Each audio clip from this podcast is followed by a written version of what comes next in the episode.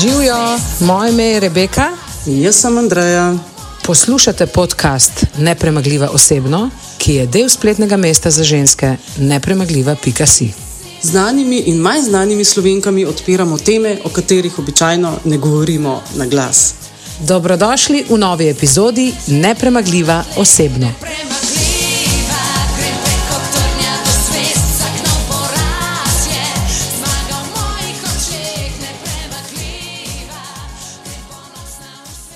Živijo, drage nepremagljive, lepo pozdravljene spet v naši pogovorni urici, nepremagljiva osebno. Danes imam mala za Andrejo eno eh, veliko čast in veliko zadovoljstvo, da sta dve osebi, ki se načeloma ne izpostavljata tako na takšnih in drugačnih pogovorih, recimo sploh ni nazate, da sta rekli da, da prideta k nama. Eh, Danes imamo eno prav posebno temo. Jaz imam kar malo eno kepo, moram priznati, v, v želodcu, predvsem zaradi tega, ker bomo govorili o minljivosti. Na svoji levi strani imam um, Nino Grilc, osebo, ki jo jaz neverjetno spoštujem. In jaz mislim, da če si kdo zasluži uh, pridevnik nepremagljiva, poleg svojega imena, pol je to absolutno Nina. Boste zvedeli zakaj. Na drugi strani imamo pa tukaj uh, gospod, oziroma ne smem imeti, češ gospa, mora ti, kaj ti rekla, skratka, Melito Kuhar, uh, našo nepremagljivo Strokovnjakinjo uh, tako, za- strokovnjakinjo za partnerske odnose, za mladostnike,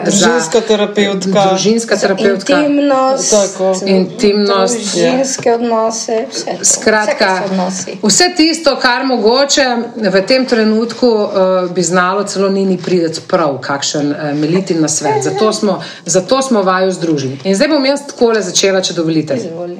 Prvo ni na pretep. Jaz Marka Grilca nisem poznala, tega, ker kot je vidno iz priloženega, sem zelo športen tip in, in športnih dogodkov pač ne spremljam tako redno v svojem življenju. In v bistvu približno dve leti nazaj je meni en moj prijatelj, ki smo bili na smučanju v Krajinski gori, tam imamo en vikend, mi je pokazal, je rekel, pa dej to poglej tega na Instagramu spremljam, pa dej te norce poglej, poglej tega otroka, ki se zdudo v ustih, kako se borda. In takrat sem jaz tvojo emo, ja, ne? Takrat sem jaz tvojo emo videla na Markovem profilu, kako se ta mala zdudo v ustih stoji na bordu in borda kavelka. In takrat sem jaz vašo družino začela spremljati. In sem v bistvu postala ena, po mojem, največjih fanic. Jaz, po mojem, zjutraj prvo, ko sem se zbudila, sem šla pogledat, kaj je novega na nepremagljivi, potem sem pa pogledala, kaj je Marko Grilc objavil. Bili ste potem lansko leto tudi na Maldivih, tako kot uh, mi, in bila je vsa ta karantena, vse to tako čudno stanje. In jaz Marko to napišem, hej, mi smo istočasno na Maldivih, a se bomo mi, a se bomo mi spoznali, pa smo kaj videli. In Marko je tudi takoj zagrabil za vabo in sva se začela pogovarjati, kako smo videli, pa se seveda pač nismo mogli videti, zaradi tega, ker nisi mogel iz otoka na otok prehajati. Mi dva sva si začela malo dopisovati in smo se začeli dogovarjati, da boste prišli k nam na en piknik enkrat, da se bomo uradno tudi spoznali. In kar naenkrat, potem jaz, mene je ravno ta prijatelj, rok, kliče, ki mi je pokazal to, eh, ta posnetek eh, tega otroka, ki borda. Mi napiše, evo, zdaj imam kurjo kožo, a ti veš, da se je Marko ubil. In jaz sem takrat, pa nisem ga osebno uspela spoznati, niti njega, niti tebe, ampak jaz sem takrat tako podoživela to njegovo smrt, jaz ti ne znam povedati, kot da se je, kot da se mi je prijatelj ubil, kljub temu, da nisem nobenega poznala. In Potem sem začela seveda spremljati tebe, Nina. Kako si ti vse to sfajtala? Se pravi, doma dva otroka in enega tik pred rojstvom. Tole dete tukaj. Tole dete pridno, ki je ja. Očitno tako pridno, kot smo prej izven etra, kot smo govorili, z nekim razlogom. In jaz bi te sam rada vprašala, kako. Ne bom te sprašvala o tistih tvojih prvih občutkih, pa to, ker to je tako, tak, ne, To ne moramo sploh razumeti. To ne more noben razumeti. Ampak kako shajaš iz dneva v dan, kako si uspela, ker človek, ki te gleda, ima občutek, da ti to počneš z levo roko. Kaj se dejansko res dogaja? Jaz verjamem, da bomo zelo težko danes eh, ta pogovor speljali, ampak zato smo zraven poklicali tudi eh, Melito, tega, ker ona zna iz strokovnega vidika, verjamem, da dati marsikakšen nasvet vsem tistim, ki se trenutno soočate s to vrstno situacijo, da boste mogoče znali v Nini najti tisto moč in pa umeliti tisti nasvet, kako si pomagati. Mislim, da je lep ta kratek povzetek, ki je bil ta iz dneva v dan. To je pač. Zdaj, če začneš razmišljati preveč nazaj ali pa preveč naprej, stvari hitratajo preveč. Nekdo mi je rekel takrat na začetku: pejti iz dneva v dan, pejti vsak dan posebej. Jaz sem se zelo, zelo um, težko sprijaznila s tem, Pustimo vse, kaj pač to potegne za sabo, ampak v bistvu s tem, kaj pride pol, v bistvu, kje je zdaj, ne? kaj se je zgodilo. Ne more človek kar biti, pa, pa ga kar naenkrat ni več. Ne? Se še, še danes v bistvu ne vem čisto točno, v kaj verjamem, pa kaj dejansko obstaja, um, kar se tega tiče, ampak sem pa čutila neko moč v sebi, kot da bi jo iz nekje črpala, nekaj ekstra, kar se mi zdi, da vsem prej nisem čutila na tak način. No. Uh, zdaj, sigurno pač pri treh otrocih. se- Čakaj, ampak ti si bila noseča, ker se je to zgodilo in si šla pol roditi. Ja. Koliko časa se je to zgodilo? Dva meseca prej ali mesec Tri prej? tedne. Tri tedne pred tvojim rokom. Uh -huh. A si rodila na roka, si rodila kaj prej zaradi kakega stresa? Rod- Ne, v bistvu je bilo tako, da um, jaz sem prejšnja dva otroka, nisem imela naravnih popadkov. Tako da smo v bistvu sprožili obe nosečnosti in smo nekako planirali potem to tudi pri njej. Pa še mi dva z Markotom so želela, da bi bili za božič vsi skupaj doma. Tako da sem imela rok na božič, smo v bistvu se nekako dogovorili za pet dni prej, v bistvu pred božičem, ta 20. Pri njej je bilo pa pol v bistvu tako, da sem po noč dobila svoje popadke prvič, točno pač tisti 19. na 20. Tako da je šlo naravno, ampak po planu. Se držala vseh načrtov, ki smo jih imeli. Prosti, Ona je že napovedala, ne, kakšna bo, ne, kaj je otrok po, po regalcih si rekla. Ne, ne. Ja, Ja. zelo je pač, um, se pravi, no, da bi na nek način čutila, da uh, je glasna, je verbalna v smislu, da pove, kadar je ni prav, pa tako jo čutim, no, ampak um, je pa zelo, kako bi rekla, sodeluje. No. Ampak človek, recimo, zato, z- zato tam zdaj to vprašala, da lahko potem nadaljujemo z Melito. Človek, ki tebe gleda, ima občutek, da, da si to presekala. Vemo, da se, da, da kaj se znotraj najverjetneje dogaja, ampak da si to presekala, se rekel, ok, to se je zgodilo, gremo naprej. Ker ti si, recimo, ne vem. Se mi zdi, da si imela en dan starega otroka, pa šla z unim dvema že na bordanje, pa že na. A veš, da si, da si skozi ohranjala to Markovo tradicijo, oziroma to vašo družinsko, sem dobila občutek, da skrbiš za to, da otroci niti ne bi veliko pazili, da očeta več ni. Ali kaj te je gnalo, da si, mogoče niti nisi vzela časa za žalovanje, ali si žalovala, da si se ustavila, pa da si pogledala vase, ali si dejansko res iz dneva v dan samo za otroke in ne za sebe. V bistvu je tako, da jaz se izogibam tega, da bi otroci ne bi občutili tega, kar se je zgodilo, uh -huh. ker se je zgodilo. In pač on je bil toliko velik del našega življenja, njihovega življenja, da pač to ni nekaj, kar, kar lahko potlačeš, pa da bi otroci v bistvu s tem, da bi to potlačili, lahko zrastali v neke uh -huh. normalne osebe, sigurno ne. Tako da jaz vsak dan govorim o njemu in se veliko pogovarjamo o njemu. V bistvu moja želja je bila, da ohranim njega na nek način z nami, ne? se pravi, ne fizično, ampak skozi te stvari, ki so njemu veliko pomenile in skozi življenje, ki smo ga mi živeli, ker se mi je pač v tistem trenutku zdelo, da če nam, vsem štirim oziroma trem, vzamem še ta način življenja, pa še Bordanje, pa vse to, kar ste dejansko res ne. Vse to, pa še to, kar, kar vsi vemo, da je pač on najraj počel z nami, pol in pa res vzamem vse v bistvu. No. Jaz pač sem želela na nek način ohraniti ta del njega, zato da pač bomo ta lep del njega z njem še zmeraj lahko živeli. Tudi za, pred, seveda, predvsem za otroke. Tudi, ja, je pa res, da tudi meni je pomagalo to, da, da, da, da imam čim več stvari na pladnju, ker se to mogoče čuden sliši, ampak jaz sem rabila to svojo žalost, to negativno energijo v bistvu dati v neki pozitivnega Kreativnega. in se s tem zamotati in si s tem dati ne- nek smisel. No? Ker pač nama, ne glede na vse, kar smo počeli zraven, nama smisel življenja nama je bil naša družina. Zdaj, s tem, pa pač mi dva en drugmu v bistvu. No? Mi dva se vedno veselila tudi tega obdobja, ko bojo otroci odrastali, pa bova spet lahko en z drugim malo več časa preživela. In pač vse to sem mogla dati v neki drugega. In s tem, ker sem bila zaposlena, s tem, ker sem se posvečala toliko drugim stvarem z neko pozitivno noto, se mi zdi, da sem lažje prebrodila v bistvu te najhujše, najhujše pač Ja, te začetne prve, no, dneve, začetne. no, prve. Kako pa, a ja, prosti. Ja, no, sej,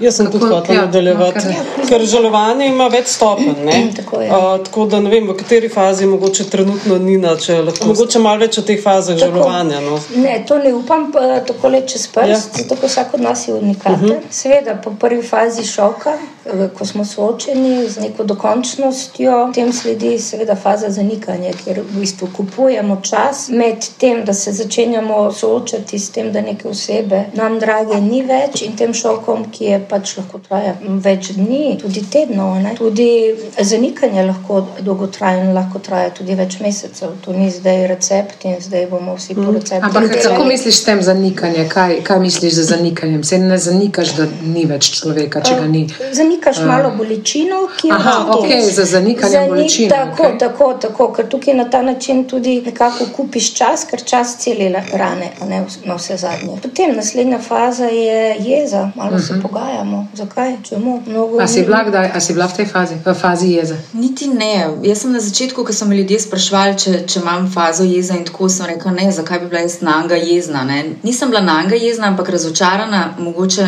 nad samim življenjem. No? Da pač Ja. v bistvu. Ti je tako lepo, pa, pa kar Ja. naenkrat. Oziroma usodo. a Ne? Ja, čeprav jaz, jaz se nisem niti toliko ukvarjala, mislim, nisem se toliko jemala k srcu to, ka, ka, v kakšni situaciji sem jaz zdaj, pa kaj se je nam krivica zgodila. Mogoče ja, zaradi otrok, definitivno, ampak bolj za njega. No. Meni je bila pač to, ker mi da so se v času korone veliko pogovarjala tudi o smrti, pa, pa kako, en, kako je nefer, da eni ljudje tako zbolijo, pa pol kar se jim nekaj tasga zgodi. Ne. Tako da vem, kakšne občutke je imel do tega, vem tudi, koliko je rad živel no, in koliko je polno živel. in Se, tako dosta si pač rečem, da se mi zdi Krivično, ne, čist, do njega totalno, ne, krivi, mislim, totalno krivično, da se mu je to zgodilo in tudi, da ni imel prilike pač imeti več časa z nami in, in tako, no, ker imel še toliko enih planov in želj in vsega. In, vsak eh, žaluje po svoje. Pravzaprav Proces žalovanja je nek strokovni termin. Jaz smo rajši nekako bolj umiljeno rečem tudi proces okrevanja. V končni fazi, v bistvu na koncu tega tunela bolečine, skozi katerega gremo in te faze. No, vse zadnje okrevamo, zdaj je to pol leta, eno leto, nekje približno dve leti naj bi bil ta proces žalovanja. Ker to je hud stres. Ampak a, a lahko, recimo, ne, ker ponavadi je vedno tako, ne, da ko se ti zgodi nekaj groznega, ne, ampak potem dejansko res je tisto, da čas celi vse rane. Ne, da dejansko čez čas imaš še vedno ljubeč spomin recimo, na to osebo, ampak da seveda ni več vsak dan prisoten, ni več, ni več to, eh, ta huda bolečina v tebi in tako. A ti lahko si sama sebe zamišljaš, da, in, a verjameš v to, da bo prišel čas zate, ko boš lahko zadihala s polnimi pljuči, recimo, in ko boš. Pa da rekla, mogoče "Okej." Se ne počutiš krivga. Ne? Meni se zdi, da ne vem, če lahko tukaj upadem v besedo. Ne? Da, da se ti zdi, ne vem, če, če gledam iz sebe, se sigurno krivo počutila, da nekoga ne vem, nadomestiš ali pa, ali pa, ja, ali pa ne vem, A da ja. življenje, moje življenje gre naprej. Ne, živi, Da si najdeš novega Da si partnerja, najdeš novega partnerja. ja. Veš, tako. A verjameš v Ne to, da, da te to čaka? Ja, Ne. ne, razmi, Ne verjameš. Mislim, Ne razmišljaš iskreno, o tem. ne, ne vem, kaj se zgodi v življenju. Zato vedno rečem, da se težko, tudi če, mi, če je kdo, ki je šel čez na videz podobno ali pa isto izkušnjo, ni nobena ista izkušnja, ker so, ker so odnosi drugačni. Pač mi dva sva bila po 12 letih zaljubljena tako kot prvi dan in za me res ni obstajal noben drug človek. Uh, niti si nisem predstavljala, da bi pač lahko bil kdo drug, tako da si tudi zdaj ne v resnici. No. Zdaj me pa zanima, recimo, tako. Se pravi, ti, vedno, ti še vedno ohranjaš ta Markov odnos in to. Začela si, v bistvu si prevzela tudi njegov posel. ne. Eh, Zdaj, če sem jaz, če, kako jaz to kot zunanji opazovalec vidim? Ne? Se pravi, on je reklamiral uh, neke blagovne znamke, eh, deskanja, eh, pa avtomobile, pa to vse to je potem padlo na tebe, da si mogla poleg vsega tega še to prevzeti. Ali, ali si želela, ali si zato, da, ker rabimo denar za preživetje, ali Ne, v bistvu je bilo tako, da mi dva sva zadnje štiri leta, jaz sem se pred 2018 sem rekla, ok, zdaj pa tudi tema borda, zdaj pa ali še jaz začnem, ali pa ali bom pa sedela doma. Ne? In sem pa v bistvu 2018 takrat tudi jaz začela bordati in smo v bistvu začeli to početi nekako skupaj. Zdaj res je, da veliko teh V bistvu vam je bil sponzorjev- del življenja in del posla. Vse Tako. to je bilo povezano med sabo. Del, del teh sponzorjev je sicer pač, oziroma večino on imel še prej kot profesionalni snowboarder, se je bil pač tudi zdaj še zmeri, um, ampak smo pa nekako peljali stvari kot družina. In um, moram reči, da mi dva sva vedno te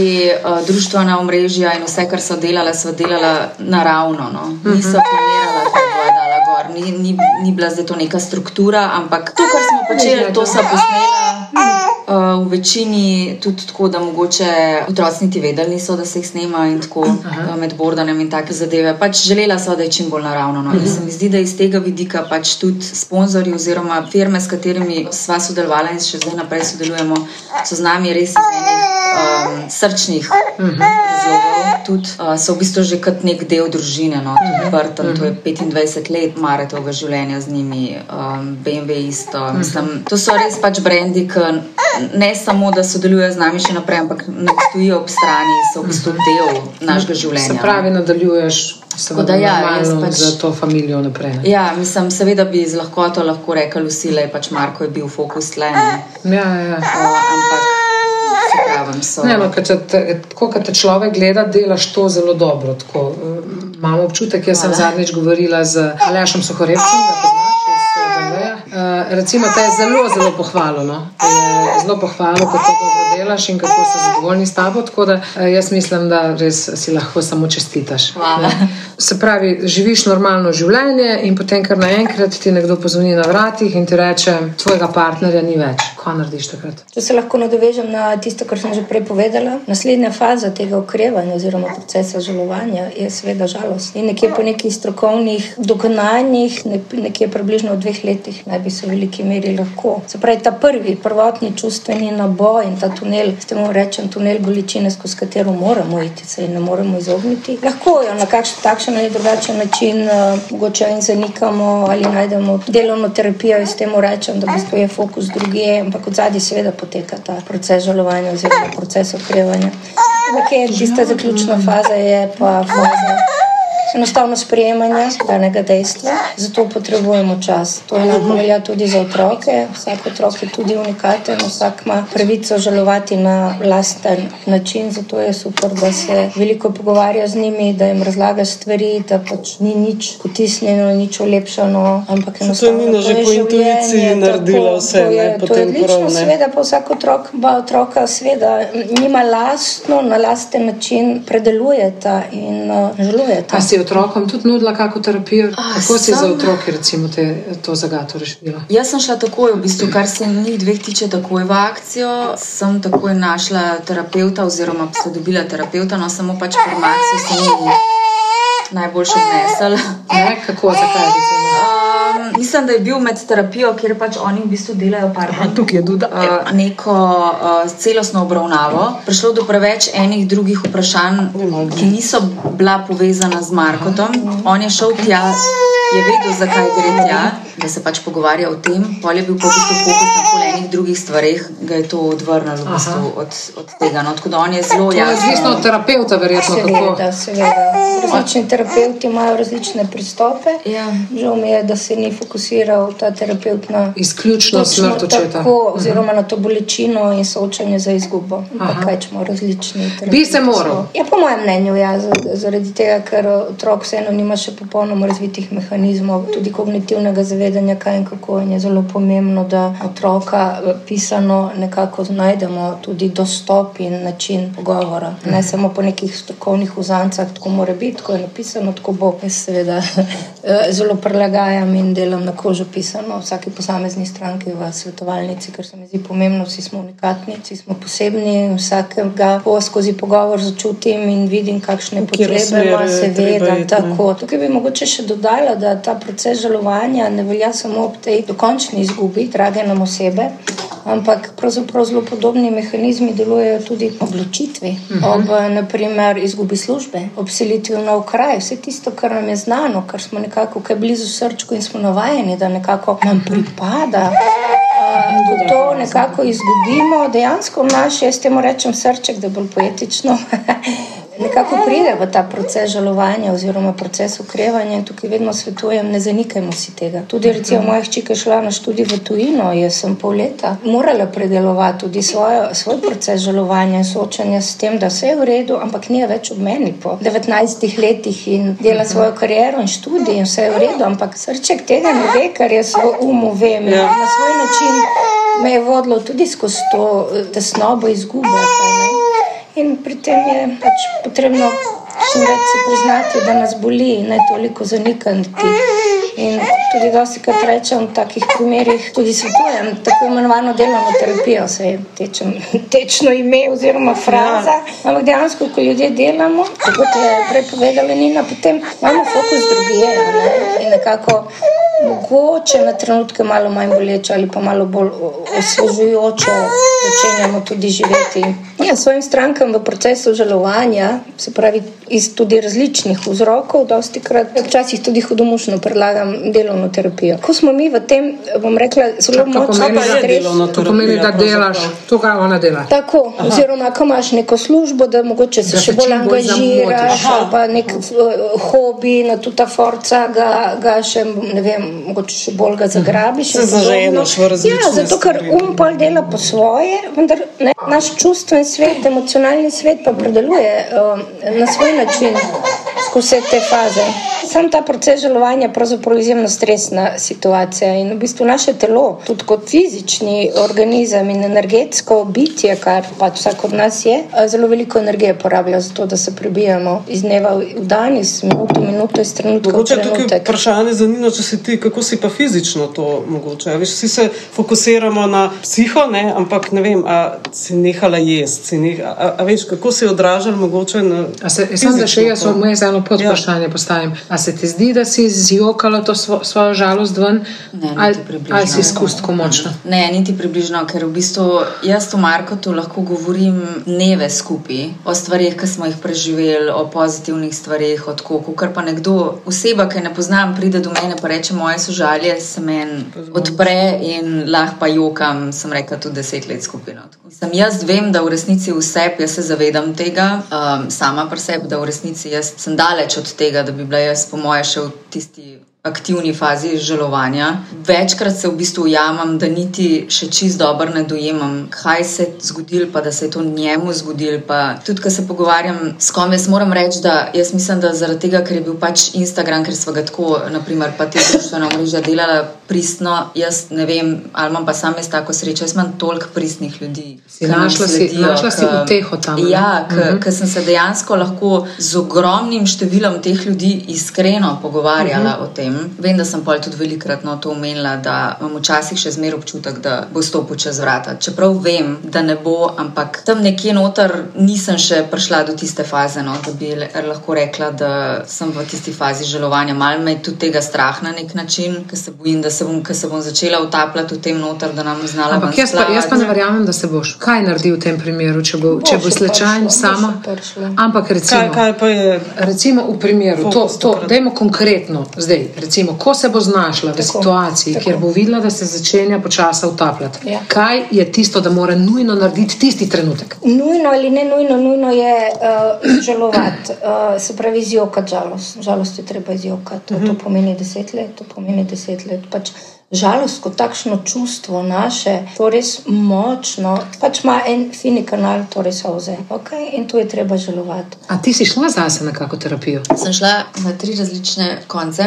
A lahko probaš premeliti? Ja, moram reči, da meni ni pomagalo to, da nekaj sedim v, teši, v tišini ali pa da nekdo mi pač potencira, kako grozen je vse Ja. skupaj. Se pravi, jaz sem se pač pol vrgla v to, da sem rekla, za boš me je sebi svojo boljš. terapijo. Ja, mislim, za me je bolj, da v bistvu oddelam to no, na nek način. Pa se pravi, meni je bila v bistvu boljša terapija kot terapeut v tistem trenutku. So mi bili ti ljudje, nekateri s podobnimi izkušnjami, nekateri pač samo zelo odprti za to, da poslušajo ali pa s kakšnim nasvetom, ki mi je v tistem dotičnem trenutku prav prišel. Sicer pač kakšne dva meseca nisem sploh funkcionirala nikjer, niti brala nič, niti nič, ampak pol počasno, kakšno stvar prebereš, s kakšnim se povežeš. Ne vem, no, meni je pač to res prišlo. Tebi je pasalo, da so ljudje stopili do tebe, pa da so ti želeli pomagati z nasveti in tako naprej. Ker včasih se mi zdi, da kakšni ljudje. Gremo v jamo, ja, eni grejo pa v jamo, pa Ja, ja. jih to v bistvu še večji stres spravi. pre-. Kako recimo kot zunani opazovalec, ali pa recimo, da se to naši prijatelji zgodi, ali pa ne, kako pristopati človeku, ki je nekoga izgubil. No? Mislim, a je pametno, ne? včasih se ti zdi, da se silaš, je v redu, da pristopaš ali čakaš, da. Ja, veš, tlemo mi dva, v osno, mi dve, ne, Ja. sva si tle zelo različni. Ja. Andreja vedno, recimo, in zato me zanima, kaj, vse seveda to je spet stvar vsakega individuma.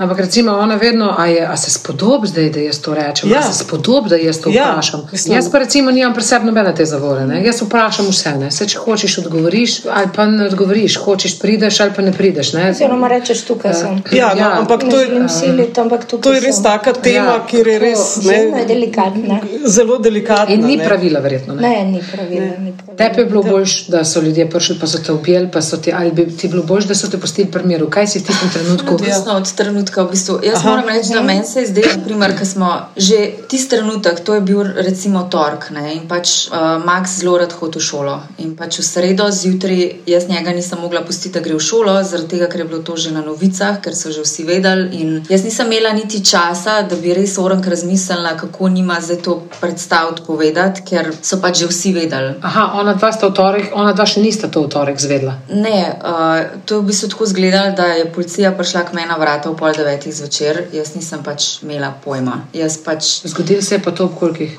Um, okrog treh popovdne. Se pravi, od 3 nis- do 9 nisi ni vedela. noben klic. Nisem vedela nič. Tudi prijatelji, pač, uh, ki so bili z njem tam, pač niso imeli dovoljenja, da me pokličejo, zaradi tega, ker sem bila pač noseča in ker mora iti to po neki uradni poti.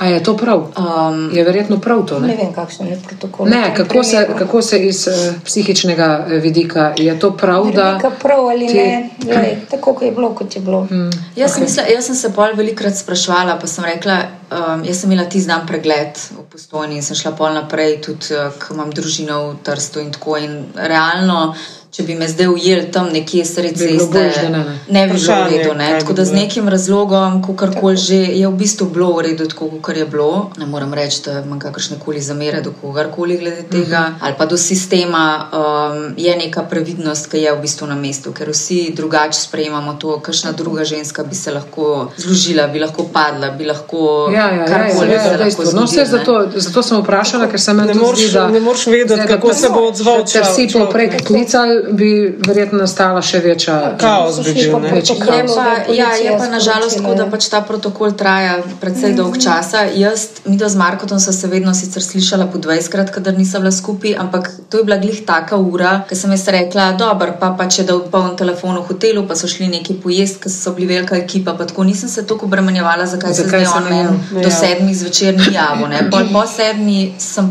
je pa bilo pol že tudi pri meni nek nemerno. Si ga klicala? Mislim, je bilo čuden, ker sem vedela, da mislim, on, ki zaključ dan, je bil vedno pač prvi klic, sem bila jaz. ne. Um, In tako so da. pozvonili policaj. Ja, in so pač rekli, da ne vejo, kako naj pač mi sicer to povejo, ampak da se pač moj mož smrtno ponesrečil. No. Jaz v resnici jaz sem bila še prav nesramna do teh bogih policajev. Sem rekla enkrat, moram iti na to policijsko postajo, pa se upravičiti, ker jaz sem mislila, da se norca delajo. Se pravi, ko so meni zvonili na domofonu, jaz jih niti noter nisem spustila, ker sem bila stoprocentna, da se to nekdo norca dela. In tudi, ko so prišli pred vrata in so rekli, da mene iščejo, moj, moje misli so šle v, kaj sem Vase, zdaj ne? naredila Ja. na robe, kaj sem jaz zdaj naredila. Ne vem, ker noseč tu delaš neumnosti, ne? sploh na koncu se mi zdi, da smo že tako blesave. Da...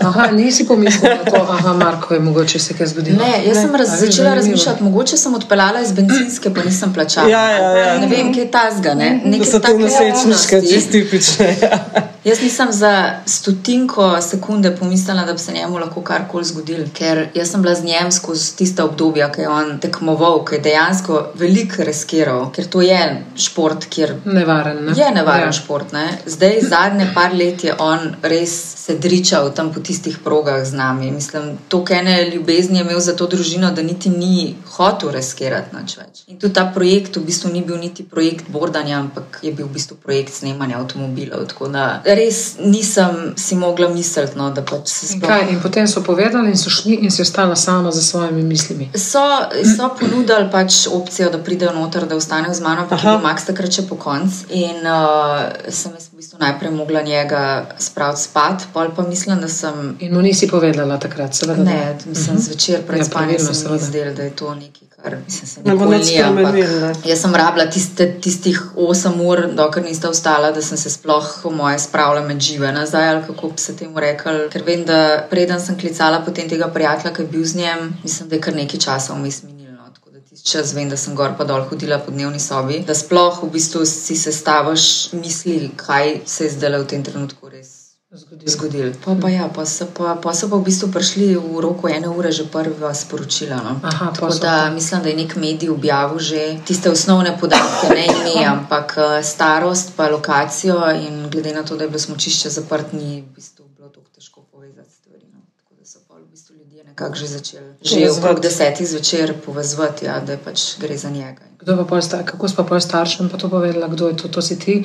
To je bilo vse na tebi, da si to mogla vse ti urediti? Ali, ali... Ja, mislim, pač policaj, mislim, policija pove pač prvemu v vrsti in Vse ostalo. Da, jaz sem nekako, se mi zdi, dokler sem še lahko kako tako normalno funkcionirala in govorila o tem, pač poklicala njegove starše najprej, pa brata, pa sem pa v bistvu svoje prijatelje klicala. no. Tako da so oni pa v bistvu. Zdaj, veliko teh prijateljev je že vedel pred mano, ker so nekateri bili tam in so svojim partnercem povedali. in tako.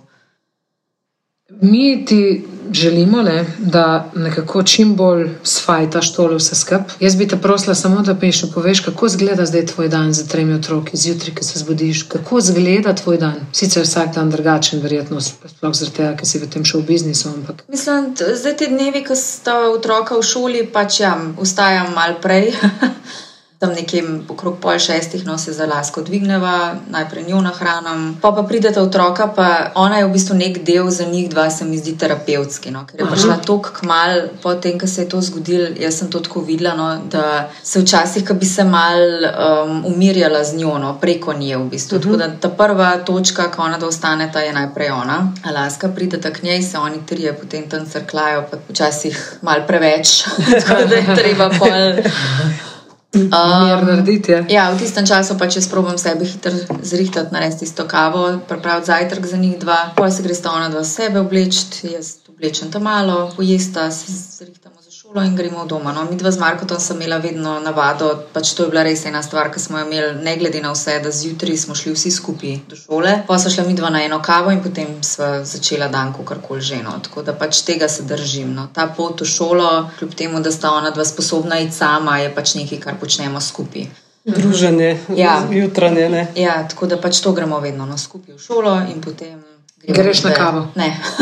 Aha, to ti pa ni ostalo. ne, to mi pa ni ustalo, ker so začuda, pol tudi iz bar, ki sem midva hodila na tisto kavico zaprl. Um, tako da se je ta tradicija, sem rekla, le pač nekako s tem zaključila in uh, grem pač čez pol kar hitro v akcijo. No. In z dneva v dan. Tako, ja. Ne? In pravilno je tako. Mogoče tukaj še dodala tudi hvaležnost. Mnogo ljudem pomaga v tem procesu ukrevanja, da se nekako spomnijo tudi s hvaležnostjo. Ljudi, ki so nas zapustili in pravzaprav vse tiste čudovite, lepe, polne trenutke, ki smo jih imeli z njimi. Žal jih nimamo več, ampak Tako, v bistvu imaš lepe spomine na Tako, njega. in jaz vedno rečem, hvaležnost je zelo močno, Dal ti je tri čustvo. čudovite otroke, ne? če tako pogledaš. Dejansko je res lepe stvari naredil. Ne? čudovite. Pomaga, marsikomu pomaga to zavedanje, da, da ne samo, da se držimo zdaj ta faza, una faza, to, to, to.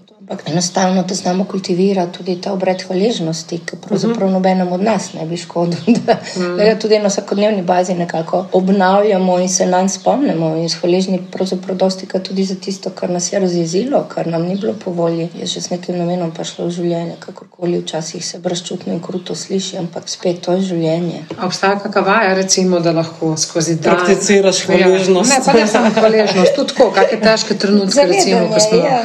Ko smo tečni, ko smo živčni, ko smo.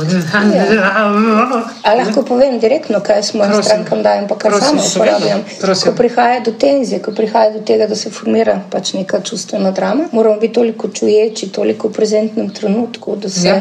Nekako rečemo, jaz se prečujem, grem uh, na stranišče, noben ne more reči, ne, Melita, ne moreš iti na stranišče, ja. ne, da ga vidim junaka, ki mi to reče. Ja. Takrat, ja. Ja. Ne dovolj tistih 30 sekund, ena minuta, ki greš pač fizično, se umakneš iz kreiranja drame, ki jo seveda vsaj dve, dve osebi kreirata, kaj ne, sam sabo bolj Ne. težko. Ne? In uh, se dosti krat tako um, umivam roke pod mrzlo vodo, tole zapestja in s tem sama sebe sprašujem, gledam, gledam sprašujem, kaj je, kaj je srce. Kaj je zdaj, kaj dogaja. Se umirim in potem se lažje komunikacija nadaljuje na en, bom rekla, bolj zdrav, spoštljiv, sočuten, sodelujoč način, kar z moje A veš, da strani me- učim s temi tremi seji. Kam rečejo, ki si tečna s temi tremi seji, se pravi spoštljivo, sočutno, sodelujoče, srčno, uh, jaz- strpno. Veš, da imam jaz tudi to, jaz ponavadi, kadar se jočem, ne, ko mi do tle gor se pride, ne, grem ponavadi tudi prisežem v kopalnico No, in se gledam v špegu, kako mi tečejo solze. In ko gledam sama sebe, kako sem zaripla v ksiht in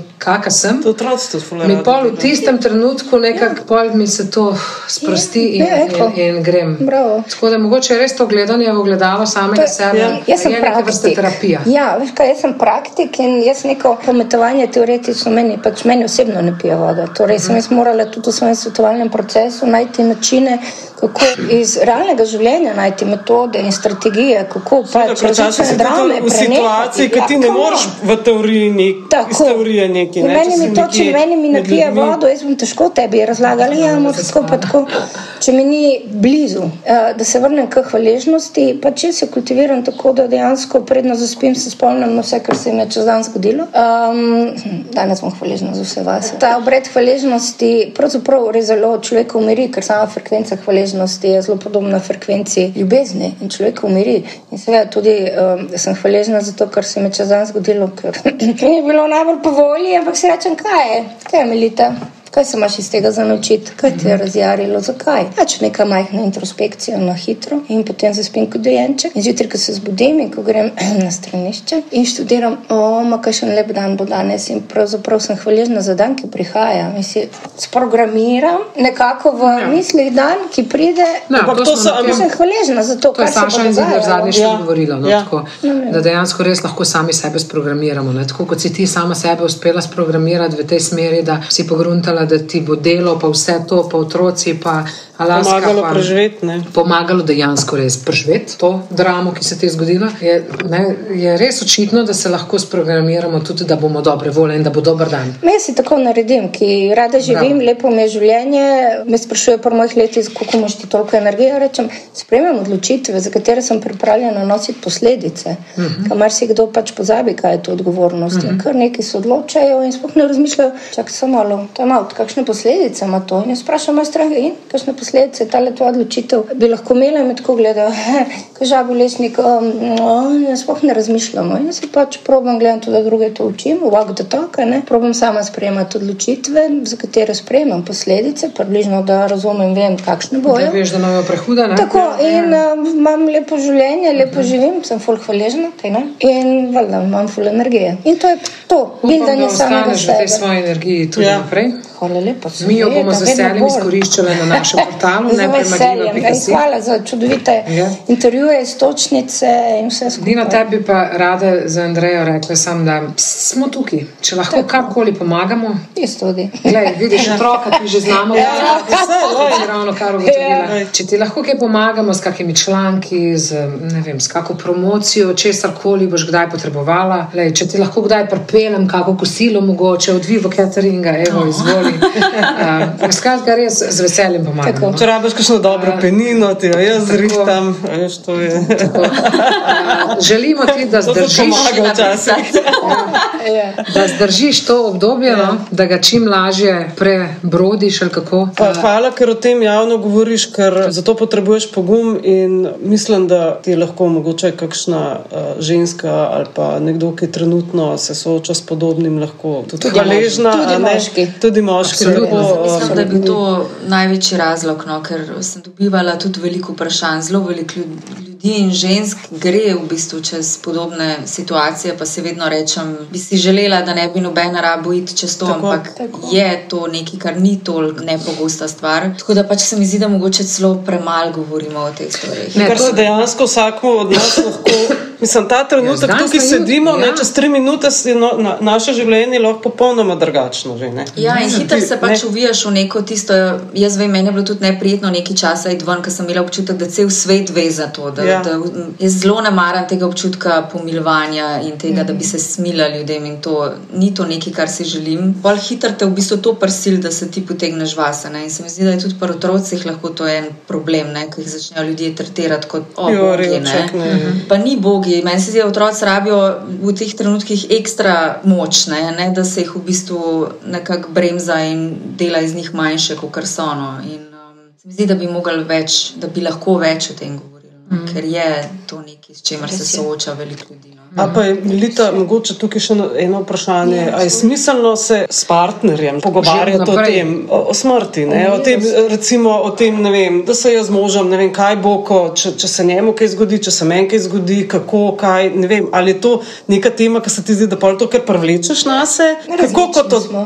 smo tudi tukaj različni. Tukaj smo zelo ne? različni. Nekaterim parom oziroma v družinah je smrt in minljivost tabu. Mi smo večni, Mhm. nikoli se nam ne bo nič zgodilo. Malo kdo se zaveda, da lahko takole v trenutku, v sekundi se postavi življenje na glavo. Mhm. Nekateri pa enostavno imajo zelo donos do tega ali pa rečejo, evo, poroko imamo, karkoli se bo zgodilo, kako bomo vse to uredili. Tako da spet smo zelo različni, spet koliko smo tudi, ne vem, zaveščeni in pogumni, ker večina nas pač enostavno živi na avtopilotu. Ja, Iz večina. Neke rutine, neke, neke naloge, vedno enako, enako in žiro je. Sploh ne razmišljaš. Vedno v istem krogu. Tako, tako. Lejte, da bomo zaključili tole ja. za malo smeha, veste, zakaj ženske dlje cajta živimo, ne? iz čizga firca. Tako da, Lej, nič narobe s tem. ne. Babe moje, Hvala hvala lepa. vama. Ja, Hvala lepa. Hvala Ej, za povabilo. Vse Hvala vi, drage, nepremagljive in pa tudi, če je kakšen nepremagljiv zdraven, čeprav dvomim. Mislim, lahko da je moški, ampak ni nepremagljiv. ne. Če se Bog ne daj slučajno soočate z kakšnim takšnim podobnim problemom, za podobno dramo, potem pač upoštevite malo melitine na svete in pa pogledajte si Ninino življenje in verjamem, da vam to zna biti v pomoč. Vse najboljše. Hvala, babe. Hvala. Enako. Enako, hvala.